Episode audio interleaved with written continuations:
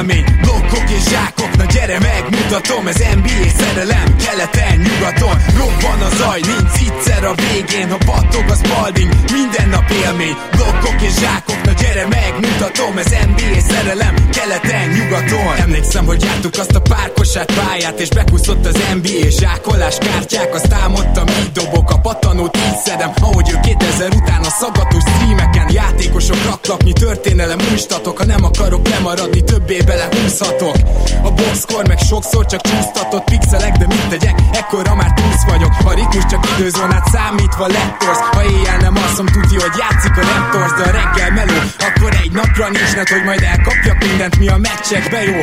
Voltak kedvencek, igen, Enter the Matrix. Marionát zsákol, te meg eldöntöd, miért nyíksz Nessel a szansz, nekem egy örök fét is Bár rég volt erre az agyam felpörög mégis. Ma már azt nézem, hogy lehet még utat törni. Ki lesz olyan jó majd, mint James Durant Curry? Sok év után nagyon más, de elhinnéd de nekem? Több ez, mint rajongás, ez NBA szerelem Robban a zaj, nincs egyszer a végén Ha battog a spalding, minden nap élmény. Blokkok és zsákok, na gyere megmutatom Ez NBA szerelem, keleten, nyugaton. Robban a zaj, nincs egyszer a végén Ha battog a spalding, minden nap élmény. Blokkok és zsákok, na gyere megmutatom Ez NBA szerelem, keleten, nyugaton. Azt mondanám az életem kosárlabda elhinnél A nyelvemből a pattanó, ha a beat az NBA Gyerek vagyok, mint a Spalding, mit piszkálsz Meg több kosarat kaptam nőktől, mint a vaj a Phoenix Suns. Mert az élet, mint a Spurs védelem bedarál Griffin olyat tömött megint, hogy már szinte preparál. Ide nem jön rim, hogy egy D-taktikát kitalálhass. Jó GMC vagyok, beférek a kepp alá. Épp most dobtam rimből egy triplát. Nálad a labda, de hogy feldolgoz, timeout kell. Nyílt egy folyosó, de te kint állnál inkább És ha betörök, mint Adi DB-nél, az útból állj már el. A baker gyakorlás nélkül is simán elvisz mer Not a game, we talking about practice. A létet fade away, de a homályt unnád? Kár, hogy nincsen dupla vér, csak egy véd duplár Van a zaj, nincs egyszer a végén Ha battog a spalding, minden nap élmény Blokkok és zsákok, na gyere megmutatom Ez NBA szerelem, keleten, nyugaton. Robban a zaj, nincs egyszer a végén Ha battog a spalding, minden nap élmény Blokkok és zsákok, na gyere megmutatom Ez NBA szerelem, keleten, nyugaton. Éj jó! Szép jó napot kívánunk mindenkinek, ez itt a Rap City keleten-nyugaton podcast különleges rövid adása. A mikrofonok mögött Zukály Zoltán és Rédai Gábor a hét meccsével. Szia Zoli! Szia Gábor, sziasztok, örülök, hogy itt lehetek, és kipróbáljuk ezt az új formatot. Nagyon remélem, hogy tetszeni fog nektek. Megnéztem a meccset teljes egészében, illetve megnéztem egy értékelést is róla, egy videóértékelést, és a statisztikák között is böngésztem, csapatstatokban is, illetve egyéni statokban is, de azért igyekeztem azt az oldalt is megfogni a, a dolgoknak, ami, ami rám jellemző, úgyhogy remélem, hogy megkapjátok ezt a best of both worlds történetet. Ugye Gábor általában a szakmai elemzéseket szokta hozni, én kicsit más stílusú vagyok, másképp nézem a mérkőzéseket, de azt gondolom, hogy hasonlóan élvezzük, és talán jól ki is egészítjük emiatt egymást, remélem, hogy tetszeni fog nektek ez a, ez a dolog, és visszatérő lesz, én azt gondolom, már így előre is, ha lehetek ennyire optimista. Hát igen, bár azért gyorsan tegyük hozzá, hogy a hét meccse az nem mindig lesz a hét meccse, és hát ez ezúttal, ezúttal is hasonlóképpen alakult. Gyakorlatilag öt kérdést fogunk feltenni. Beszéljünk akkor először is arról, hogy melyik mérkőzést néztünk ki. Ugye, aki Facebookon szemfüles volt, az látta is, hogy ez a találkozó, ez az Atlanta és a Suns csatája. Egy keleti, egy ideje él csapatnak nevezhetjük az Atlantát, egy keleti jó csapat, és a liga első helyért küzdő Phoenix Suns meccse önmagában ígéretesnek tűnt, ha azonban az ember figyelembe veszi a körülményeket, akkor, akkor mondjuk nem csodálkozik annyira azon, hogy mi történt ezen a mérkőzésen, ugyanis a, a meccs kettő és fél negyedik tartott, szerintem ez a legpontosabb kifejezés, és utána már lemészárolta az Atlanta a fáradt suns A végeredmény 135-103 lett. Ha nagyon értékelni akarja az ember ezt a meccset, akkor szerintem az kettő és fél negyedet tud értékelni. Utána, amikor elkezdődött kezdődött az a szakasz, hogyha néztétek a meccset, kedves hallgatók, vagy ha csak egy ilyen összefoglalót, akár 10 perceset, akár 2 perceset néztetek, akkor láthattátok azt, hogy elkezdtek kimaradni a szánzdobások. Amikor már azt látod egy csapaton, hogy még azok a triplák, azok a kettesek, akár könnyebb kettesek, amik nem mennek be, pedig az első fél időben bemennek, akkor tényleg elkezdesz gyanakodni, és hát ez itt sincs másképp, hiszen ugye a Suns egy négy meccses idegenbeli túra utolsó állomás egymásán back-to-back hosszabbítás után lépett pályára, úgyhogy nem is tudom, Zoli, hogy te úgy készültél, hogy két és fél negyed, vagy, vagy inkább, inkább statisztikákban böngésznél? Kicsit is is, de nyilván az az, az egyértelmű motivuma volt a meccsnek, illetve a legfontosabb faktor, hogy, hogy, hogy a Suns borzasztóan fáradt volt, ahogy mondtad. De kicsit visszacsatolnék arra, hogy, hogy a Hawks, szerintem nem volt túlzás az, amit mondtál, ugye, hogy, hogy a Hawks egy gyakorlatilag egy, egy élcsapat, keleti élcsapat, uh-huh. hiszen az elmúlt most két hónapban gyakorlatilag úgy játszanak, még ha előjük nyilvánvalóan nagyon messze is lesz az első háromhoz képest, amely után ugye egy szakadék tátunk keleten, és pont ezért van egyébként a Hawksnak esélye arra, hogy akár még a hazai pályáért is. Nem úgy versenybe szálljon, szerintem megnézve a sorsolást is összehasonlított például a Knicks erről, mert talán egy picit még tudunk beszélni. Konkrétan talán ők az esélyesek arra, hogy negyedik helyen végezzenek végül. Visszatérve ugye a Sunsra és erre a meccsapra, ugye az első kérdésünk az, és akkor itt talán rá is kanyarodhatunk, hogy alapból milyen meccsap a két csapat egymásnak. A Suns egyértelműen egy jelen állapotában sokkal jobb csapat, és szerintem még akkor is igaz, hogy a Hawks egyébként tényleg az elmúlt két hónapban, és ugye különösen Bogi visszatérte óta egyértelműen szintet lépett. Mikael Bridges szemében van ugye egy premier stappere a Sunsnak, akit, akit tényleg rá tudsz rakni egy, egy triangra, ahogy ugye rajta is kezdett ezen a mérkőzésen, de rá tudod rakni egy Bogira is, és mind a kettőben, ha nem is azt mondom, hogy matchup előnyöd van, de legalábbis nyugodt szívvel tudod nézni őket a padról. Ez sem feltétlenül valósult meg ugye ezen a mérkőzésen, bár egyébként Bridges, illetve főleg Bridges támadó játékos agresszivitása talán az egyetlen ilyen pozitív pontja volt egyébként a, a mérkőzésnek. Engedd meg, Ugye, hogy itt a matchup dolgokat egy picit még kiegészítsem, mert amit nekem ilyen nagyon érdekes volt, hogy ugye szinte dekára ugyanolyan szerkezetű a két csapat, ha azt nézi az ember, hogy az egyes kettes poszton is gyakorlatilag pick and roll irányító van. Van egy first ball handleröd és egy secondary ball handleröd, és pontosan ugyanez a helyzet, ugye Trey Young és Chris Paul ilyen szempontból rendkívül hasonló játékosok, hiszen a fő fegyverük, főleg Trey Youngnak már idénre a, a pick and roll, és... Bocsánat, és ha itt közöltek, ezért is érdekes egyébként, hogy a Suns meglepő módon nincs ott az igazán pick and roll, heavy pick and roll spammelő csapat csapatok között, ami számomra egyébként meglepő is statisztikailag, de tényleg a Suns, hogyha támadásokat nézzük, akkor egy nagyon-nagyon balanced, nagyon-nagyon kiegyensúlyozott csapat idén. Egy kicsit mindenből hoznak, és mindent elég jól is csinálnak. Igen, és nyilván tehát a, a Sunsnál a pick and roll-t azt gyakorlatilag Chris Paul perceiben érdemes vizsgálni, amikor ő leül, Booker sokkal több ájzót játszik, illetve a Suns is akkor sokkal többet járatja a labdát, üres elzárásokból dolgoznak, mert hogy Cameron Payne-nek mondjuk nem, nem a pick and roll a kenyere marad maradjunk ennyiben. És a másik viszont, hogy mi, mi a szerkezetben az egyetlen ilyen nagyon ordító különbség, az az, hogy John Collins, a négyese az Atlanta Hawksnak a kezdőben, és egyébként most gyakran a paddal is, hogyha fenn volt, akkor is, mert ugye Onyeka Okungwood most egyre többet használja Nate McMillan, és erről ma lesz szó, de szóval azért az nekem rögtön egy ilyen érdekes dolog volt, hogy egy picit a meccsre, meccsbe is belekapjak, hogy ezt a matchup előnyt, ami előny lehetett volna, hogy Tori Craig védekezik John Collinson, egyáltalán nem akarta kihasználni a Hawks. Nem is könnyű úgy, hogy bent van Capella a palánk alatt, vagy éppen pick and rollból fut befelé. Tehát akkor nyilván John Collinsnak ki kell állni a tripla vonalon kívülre, úgyhogy én ha, ha már valamit megnéztem volna, de hát aztán nem volt erre szükség, akkor az az, hogy bizonyos line mondjuk csak John Collins van fönn centerként, mert ő mondjuk akár ha a cseréket nézem Kaminskit, mert ugye nem volt a Sunsnál most Szarics, akár hogyha a kezdőket nézem, hát bárkit megszivatott volna, gyakorlatilag sokkal gyorsabb a magas játékosoknál, és erősebb a big wingeknél a Sunsnál, úgyhogy ez érdekes, hogy erre a matchup előnyre nem is nagyon ment rá a, a Hawks, de mondjuk nem is kellett, mert ez a Trae Young Clint Capella pick and roll, ez gyakorlatilag Igen.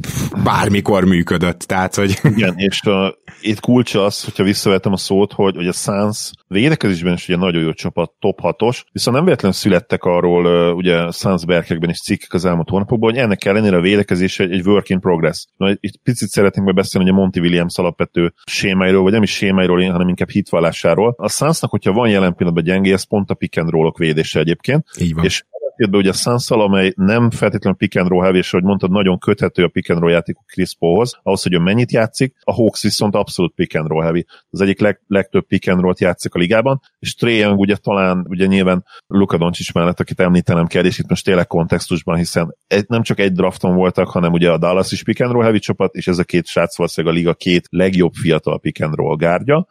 Szóval a Hawks ebben élenjáró, vagy legalábbis ott van ugye az élmezőnyben, és nagyon-nagyon jól működik ez most már, és Bogi visszatértével egyébként ő is, mint secondary ballhandler, ugye szintén, még a kapelával közös kapcsolat is megvan ebből a szempontból. Sőt, nagyon... bocs, itt tegyük hozzá, hogy azóta már érkezett Lou Williams is, aki Igen. szintén pick and roll a padon. Tehát... Igen, és itt Tony Snellt is ki kell emelni, aki hihetetlen találmány és találat ebbe a kezdőbe. Megkérdőjelezni, hogy miért van ott, de aztán nyilván ránézel a legfontosabb statra, és egyből rájössz, hogy miért van ott. Elképesztő. A liga legjobb triplázója idén, majdnem 60%-kal dob az ember konkrétan, ami nyilván outlier, és nem fogja ezt tudni tartani, de már bizonyította előző években is, hogy 40% feletti szezont azért bőven le tud hozni. És visszatér a Suns gyengességére és védekezésére, és ez itt abszolút kiütközött, miért nem túl jók egy egyébként jó védőcsapat ugye a pick and roll ellen, hát nyilván az elsősorban Aitonnak köszönhető, illetve Bookernek, de azt a CP-fit is itt ki kell menni, aki egyébként még ma is tényleg becsülettel küzdi át magát a screeneken, de már nyilván nem olyan gyors, mint egykoron. Nyilván át is lehet dobni, ugye ez Bogi is többször bizonyította ma, illetve ugye Trae is. Ami fontos, hogy ugye switchelni szeret, és ez Monty williams egyik taktikája és hitvallása is, hogy amikor jó switch tudsz csinálni, akkor ugye switchelj, lehetőleg egyébként hasonló méretű játékosokat, de Polt egyszerűen időnként már el kell bújtatni, és nem azért, mert nem jó védés, nem rohadt intelligens, meg, meg ahogy mondtam, nem küzd, mert küzd abszolút, de, de egyszerűen őt pihentet, meg kell próbálni pihentetni időnként olyan védekező possessionoknél, ahol van esély olyan játékosra rárakni őt, aki egyébként nem akkor a probléma. És itt ez nehéz volt, mert például volt az első negyedben is olyan, hogy, hogy többször kockáztatott ugye CP Free, és kettő darab zsákolás is jött belőle, illetve ugye egy, egy üres tripla, egy bogi tripla. Később egyébként ez meg, megismétlődött ugye a harmadik negyedben is, és, és ez abszolút kulcs volt, és CP Free ma már nyilván nem tud olyan lendülettel, olyan, olyan elánnal védekezni. Nem azt mondom, hogy ugye liability, nem azt mondom, hogy CSMI, soha nem lesz az, de ő is benne van már abba, Aiton és Booker mellett ugye a kezdő line az ok- okok között, hogy miért nem annyira erős ugye ez a védekezés a pick and roll ellen. Abszolút, és azért itt érdekesen próbált ezt megoldani a Suns, csak hogy tudjátok, hogy milyen tematika mellett megyünk. A második kérdés, amit fel fogunk majd tenni ilyen meccseken, az, hogy mi döntött el a meccset, de hát erre nagyon hamar válaszoltunk a mai adásban, mert valójában az döntött el, hogy két és fél negyed után teljesen ki, kiesett a Suns. Igen, ide egy érdekes statisztika, hogy ez volt a kilencedik meccsük az elmúlt 14 napban, és ahogy mondtad Gábor, ugye hosszabbításba jöttek, ráadásul ugye utazni is kellett, még ha relatíve rövid repülőút is, ugye egy kb. 1000 km van a két város között, de, de tök egyértelmű volt. És ezen egyébként már a két előző győzelmüknél is látszott, ugye a Cavs eleve egy nem túl erős csapatot csak hosszabbításban tudták megvenni, előtte az OKC-t meg csak három ponttal, és főleg a védekezésben kezdett ugye kiütközni, hogy, hogy fáradtak, mert így most már az elmúlt három mérkőzésen 124 pontot kaptak átlagban, ami nyilván nem is jellemző idén erre a Sunsra, és, és így is csoda, hogy kettő egyre lehozták, mert igazából nem kellett volna kettő egyre lehozniuk. Persze, és akkor még azt tegyük hozzá, hogy nyilván Saric és Crowder hiánya ilyenkor azért jobban érezhető, annak ellenére, hogy ez egy mély csapat, de hát ugye egy teljes általánosság dölt meg ezen a mérkőzésen, a Suns fantasztikus padja, kriminálisan alul maradt.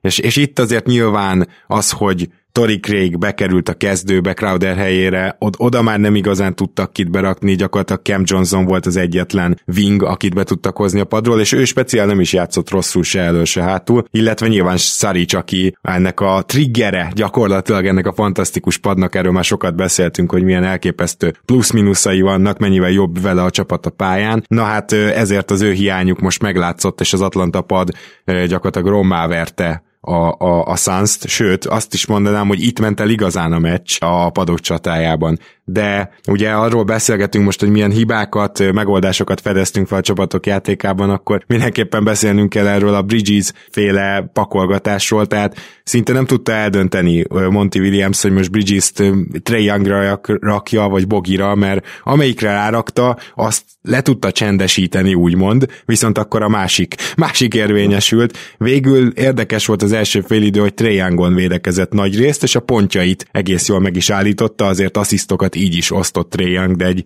egy ilyen szintű irányítónál ez azt gondolom, hogy okés, viszont a másik oldalon meg, és nem tudom te, hogy vagy ezzel Zoli, de hogyha én négy Macmillan lennék, akkor nem tudom, hogy Trae Youngot Bridges-en bújtatnám-e mert Bridgesnek a jó támadó teljesítménye abból is fakad, hogy egyértelműen látták a többiek, hogy hát Young fogja, és ezért rá is játszottak abszolút. Bridges ment is be, tehát nem csak az történt, hogy dobta a triplákat. Egyébként dobott úgy is triplát, hogy Young majdnem az arcába volt, csak ugye egy fejjel alacsonyabb, tehát ezt is megpróbálták kihasználni, és nyilván azért Bridgesnek fantasztikus keze van, hogy beszéltem a 60, nem tudom, 6 os TS-éről idén, de el is indult befele, ezt is láttuk. Jó volt látni őszintén szólva. Remélem, hogy a Bridges-Bridges vitába ez egy, ez egy pluszpont Mikának nálad is egyébként, mert szerintem nem, fantasztikus fél ideje volt. Nem mondom, hogy, igen, nem mondom, hogy pluszpont, mert ugye azt eddig is tudtuk, és nem is érveltem ezzel hogy ugye ezekben a line, line, line by line, azt hiszem így mondják, tehát az a egyenes vonalú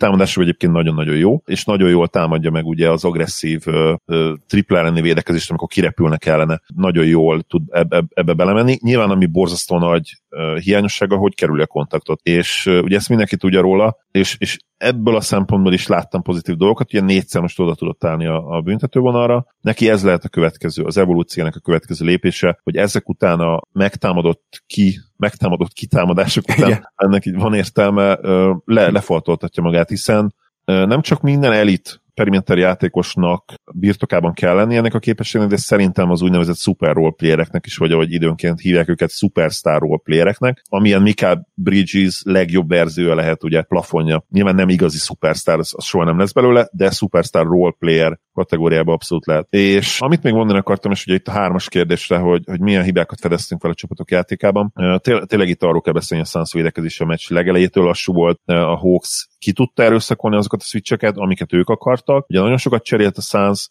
és, és a Phoenix akkor még egyébként tudta tartani lépést támadásban, ugye ezért is nem alakult ki nagy különbség, de, de időkérdése volt, hogy Igen változik ez meg, és ez már az elejétől lehetett érezni. Tehát amikor a Sunsnak ennyire rosszul megy a védekezése, akkor, akkor időkérdés. És itt egy picit hadd említsem, hogy a Monti alaptaktikáját, ugye róla tudni kell, hogy a technikai részletekbe a védekezés kapcsán nem nagyon szokott belemenni, szeret ilyen rébuszokba beszélni, és kicsit megtartani magának ugye az ütőkártyáit, de amiről viszont sokat beszél, az nagy általánosságban az ő védekezéses filozófiája, ugye ez besegítések elsősorban a festékben és a büntető vonaltól kezdődően. Ugye nagyon szereti az intelligens switcheket, itt most nem mindig sikerült egy egyébként intelligensen switchelni, de nyilván nehéz meccsap is volt ebből a szempontból a Hawks, ugye, hogy nagyon sok jó játékosuk van jelen pillanatban, most mindenki ugye egészséges, még a cserepadról is egy, egy nagyon jó formában jövő Galinári bejön, aki ugye 6 láb 10, 2 méter 8, nem nehéz, amikor neki például megy a dobás, érdemben megállítani, nem rakhatsz rá mégse egy, egy Bridges Galinári, mert akkor hol vagy? Igen. Ki, a többieken ki van, ugye. Itt tényleg nagyon hiányzott Kráder is egyébként. És még ami fontos számára, ugye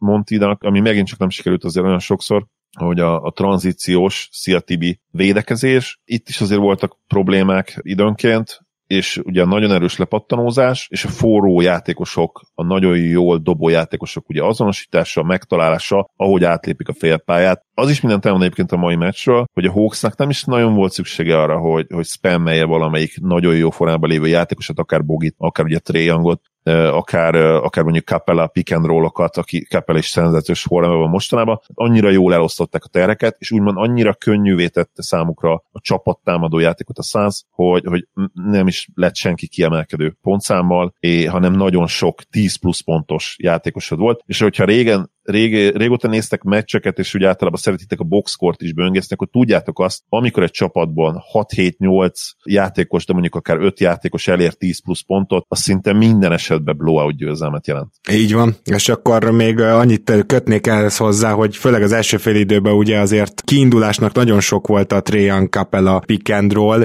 de nagyon érdekes döntés volt a Suns részéről, hogy ezt úgynevezett hedge védték, tehát Aiton is kimaradt, és egy pillanatra megpróbálták becsapni labdázni Trae és az volt a probléma, hogy ez nem igazán sikerült. Tehát, hogy Trae Young ezt átpasszolta, és akkor már valahonnan a valamelyik oldalról be, be kellett segíteni Kapellának, és így történhetett meg az, hogy egy Bogdanovics gyakran üresen maradt, amikor már ugye az egyik dobóról lemész, akkor már csak körbe kell passzolni, és hát Boginak a dobóformája az egészen félelmetes, erről tényleg csak egy fél szót akarok mondani, hogy az emberünk abszolút olyan magabiztossággal áll jelenleg bele a triplákba, hogy hogyha egy alacsony védő jön vele szemben és közel van, akkor egyszerűen tudja, hogy nem fogják leblokkolni. Nem érdekli, hogy az alacsony védő ott a szeme előtt kapirgál, meg nem tudom, felemelkedik és bedobja.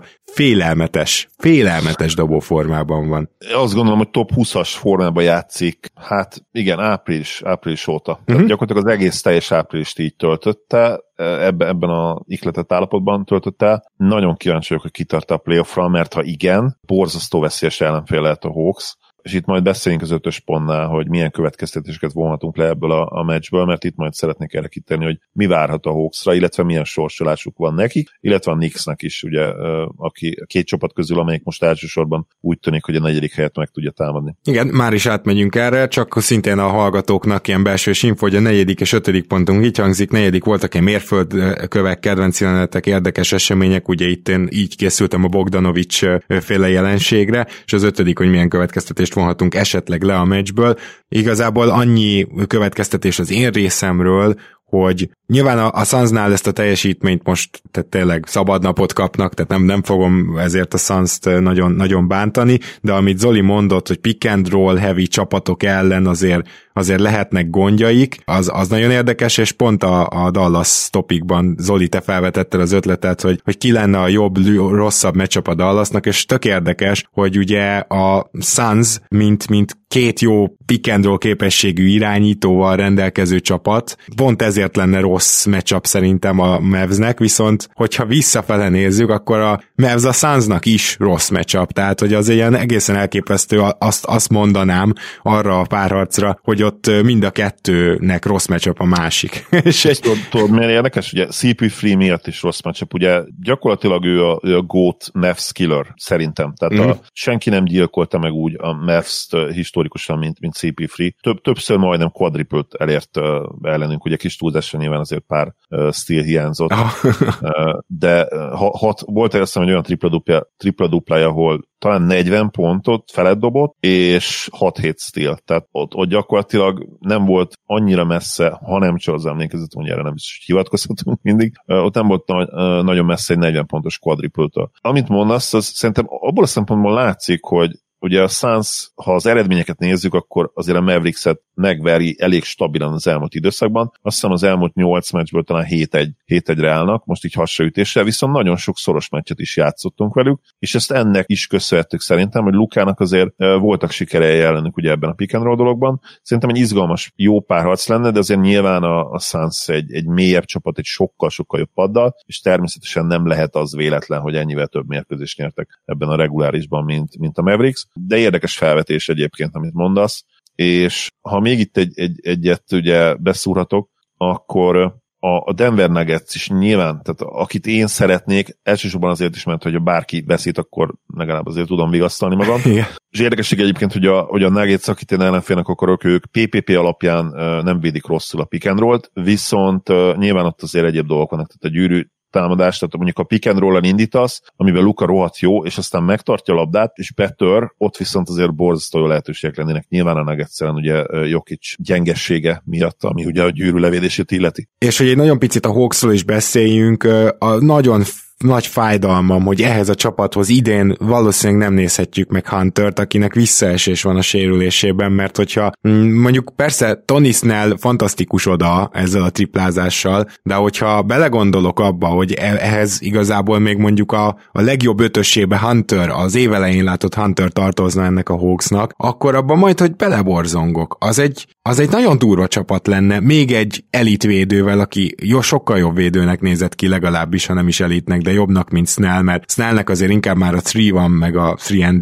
és lehet, hogy picit rosszabbul dobja a triplát, de több dimenziós támadójátékos messze, mint Snell, mert Snellnek ennyi, és, és nem több a, a támadó teljesítménye. Szóval csak ezt akartam mondani, hogy én nagyon-nagyon sajnálnám, ha a playoffra sem tudná Hunter összekapni magát, nyilván egy ilyen hosszú sérülés után alapból kérdéses, hogy milyen formában jön vissza, de most kezdi megmutatni ez a Hawks, hogy micsoda elképesztő potenciál van bennük, és arra ne feledkezzünk el, hogy Capella sem 30 éves ám. Tehát, hogy még, még ő, se, ő se kifejezetten öreg, semmi ilyesmi, úgyhogy, és Onyeko Okongwu pedig az egyik legmozgékonyabb center, akit valaha láttam, csak annyi, hogy nagyon tetszik az, hogy ezt a csávót szerintem egytől ötig lehet majd switchelni. Én nem látom okát annak, hogy ez az ember nem maradna ott egy gyors egyes előtt is akár. Brutálisan jó tényleg a, a srác, és uh, Bogi, az, hogy Bogit megszerezték, mint secondary ball handler, az olyan dimenziókat nyitott meg, nem csak mélységben, és nem csak ugye a top heavy talent terén, mert ugye kellett még egy ilyen extra, sőt, hát lehet, hogy ugye a rájátszásban talán a legjobb teljesítmény Bogitól lehet várni, hiszen ő már nagyon sok kiélezett fontos mérkőzésen pályára lépett, ha nem is feltétlenül az NBA-ben, de ugye pályafutása európai szakaszában, illetve világversenyeken, és, és Kapelára visszatérve tényleg ő is, ő is szenzációs, és, és hogy milyen következtetéseket vonhatunk ugye le, ami, ami számomra egyértelmű, hogy a Hawks megmutatta az elmúlt hónapokban, hogy szintet léptek ezzel kezdtem, ezzel szeretném lezárni, megvan az a kohézió, és, és tényleg az a mélység is, ami bár tudjuk, hogy a play ban picit ugye árnyal, árnyaltabb lesz, de, de ennek ellenére nagyon jók lehetnek már idén, és szerintem mehetnek akár egy kört mindenféleképpen, főleg akkor, hogyha hogyha ugye meg lesz ez a bizonyos negyedik hely. Nyilván ott, ott jöhet egy Celtics, ott jöhet egy, egy Heat az első körbe, nem azt mondom, hogy feltétlenül a Hawks tartanám esélyesnek, hogyha ez megtörténik, de még azt is el tudom képzelni, attól függően, hogy éppen hogy állnak ugye sérülésekkel a másik két csapat, amelyek, amelyeknek ugye az egész alapszakasz egy cluster fuck gyakorlatilag, ahogy kint mondani szokták. És akkor nézzük picit beszéljünk a Knicks sorsásáról, ugye nekik gyakorlatilag a liga egyik legnehezebb, hanem a legnehezebb sorsolása van innentől. Játszanak azt hiszem most a, a Clippers ellen idegenben, Lakers ellen idegenben, ugye most volt a Nuggets, ma éjjel még valakit kihagyok, lehet, hogy a Jazz vagy a Suns, azt hiszem, tehát, tehát borzasztó nehéz, és e, e, a Hawks ezzel szemben a két utolsó meccsük a Magic és a Rockets ellen, tehát ez két automatikus győzelem. Bocs, csak hagy, hagy foglaljam már ezt össze annyival, hogy a New York ki a harmadik legnehezebb hátralevő sorsolás, az Atlantái a legkönnyebb hátralevő sorsolás a Tenketon szerint. Úgyhogy akkor igen, én ugye nem néztem meg a, a konkrét uh, oldalt, erre van, igen, igen, köszönöm, de, de igen, akkor azért átjött a dolog. hogyha megnyeri a Hawks a Pacers ellen idegenbeli meccset, szerintem fél lábbal megvan már a, legalábbis a play szinte biztosan elkerülik, de a negyedik helyet is ők lesznek a, a legnagyobb esélyesek. A, a Knicks pedig hát lecsúszhat akár a hatodik helyre is innentől kezdve még, sőt, azt hiszem talán a hetedikre is, bár ugye megnézem, hogy pontosan Hát hogy talán van. még lecsúszhatnak, de mondjuk amilyen formában vannak, talán, ta, talán azért a play-inbe csúszni innen az, az nagy bravúr lenne, ezzel, ezzel a jó formájukkal. Úgyhogy... Hát figyelj, két meccsre vannak ugye a híttől, két, két verességgel van ugye kevesebb neki, mint a hitnek, és brutális sorsásuk, de igen, így, hogy öt meccs van hátra, két meccs előny azért az elég nagy előny egyetértek, úgyhogy valószínűbb, hogy az ötödik, ötödik, hatodik helyen fognak végezni. Na kérem, akkor szombaton jöhetünk egy olyan résszel, ahol egy kicsit már mecsa, leendő mecsapokat elemzünk, annak függvényében, hogy kinek mi lenne a jó, hiszen most jön a helyezkedős hét, és az utolsó mindent eldöntő alapszakasz hét, úgyhogy, úgyhogy egy, egy ilyen adást szerintem bevállalhatunk keleten és nyugaton is, Zoli, köszönöm szépen, hogy itt voltál a kis rapid adásunkra, és reméljük, kedves hallgatók, hogy hát így volt időtök ebbe, ebbe így belehallgatni a két nagy podcast között. Én is örülök, hogy megcsináltuk ezt, én nagyon-nagyon élveztem.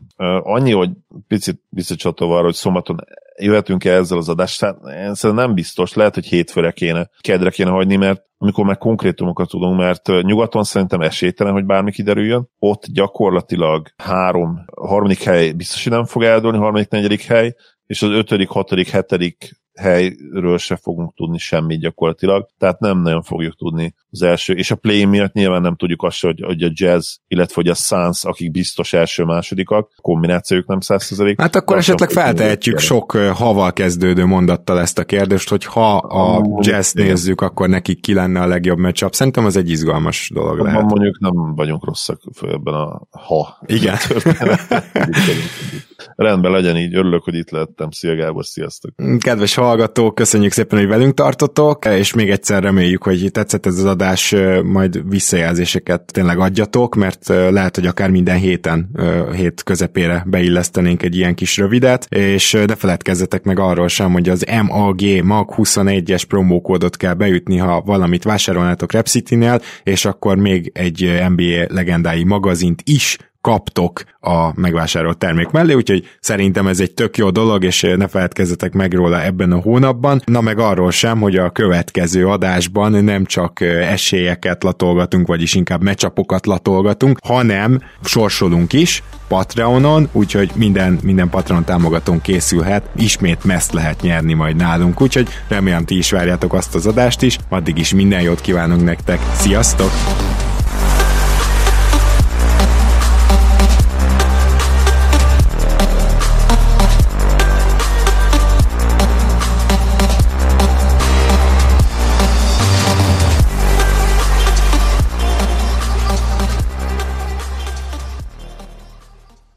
Ha más podcastekre is kíváncsi vagy, hallgassd meg a Béton műsor ajánlóját. El tudod képzelni, hogy a podcastet, amit éppen most hallgattál, fél év múlva már a mesterséges intelligencia generálja? Mi sem. De ha érdekel, eljött már a gépek lázadása. Hallgass bele az Embertelen podcastbe. Orsós Lajos vagyok, a műsor házigazdája. Egyelőre még élőben. Egyelőre. Fedezzük fel együtt, hogyan ismerkedik, randizik, mesél és vitatkozik Betty és Péter, két teljesen mesterséges intelligencia. Lajos, a podcast címét mond még egyszer, Léci. Oké. Okay. Embertelen podcast. Ez a műsor a Béton közösség tagja.